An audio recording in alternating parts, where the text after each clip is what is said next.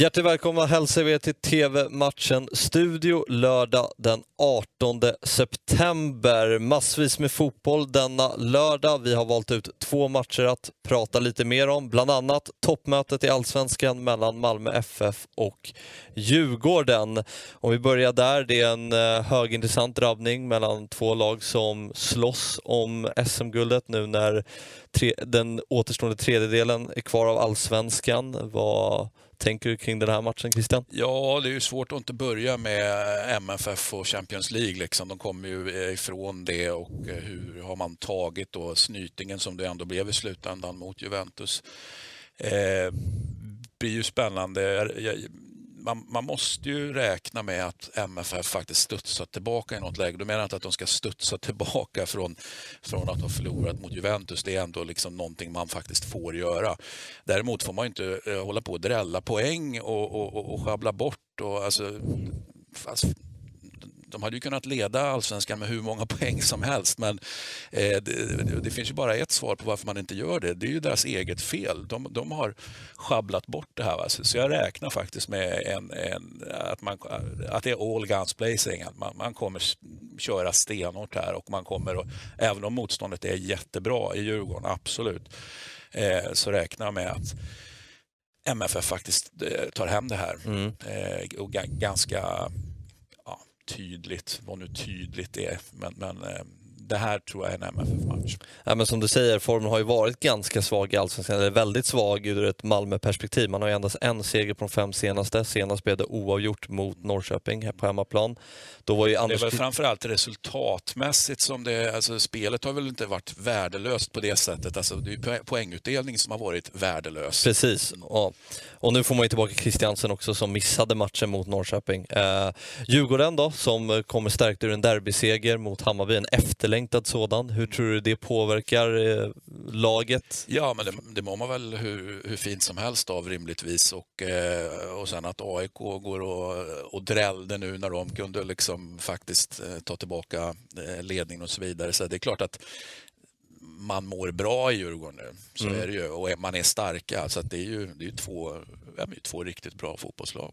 Djurgården toppar serien inför den här matchen, tre poäng före Malmö. Skulle Malmö vinna, som du tror, då riskerar Djurgården att halka ner på en fjärde plats. Så det är ju tajt där uppe. Det är viktiga poäng på spel, minst sagt. Mm. Ja, vi har ju, Elfsborg med i leken också. Precis, som eh, kan gå upp i serieledningen. Det är ett lag som inte saknar, saknar form. Uh, men du tror på en eh, Malmö-seger. Senast lagen möttes i våras så blev det ju en övertygande Djurgårdsseger med 3-1 på Tele2 Arena.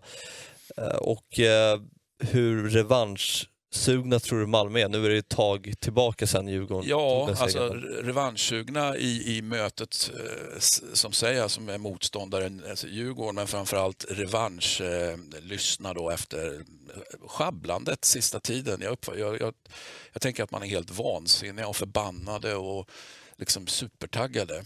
Mm. Det är klart att Djurgården också är taggade, men jag räknar med en extra tagg i, i MFF helt enkelt. 15.00 alltså, toppmötet i Allsvenskan. Matchen spelas på Eleda stadion och ni ser matchen på Discovery+. Nu förflyttar vi oss till de brittiska öarna och till Premier League där Liverpool tar emot Crystal Palace på Anfield.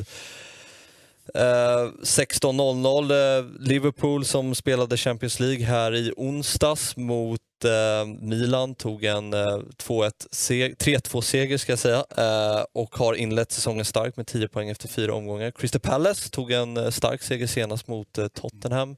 Nya tränaren Patrick Vieira vid rodret. Eh, ja, man är ju sugen på, på, eh, man kan ju vara sugen på Liverpool också, men eh, i alla fall jag då är extra sugen på att se Patrick Vieira, liksom hur, hur bra är han som, som som tränare egentligen och det är ju jätteskönt att kunna benchmarka honom mot, mot eh, Roy Hodgson då som satt där innan för det är väldigt tydligt vad det är han eh, så att säga, går upp mot. Okej, okay, vi ska jämföra honom med Roy Hodgson. Det, det är såklart, alla har en väldigt tydlig bild av vad, vad Hodgson har gjort och vad han var bra på och vad han var mindre bra på.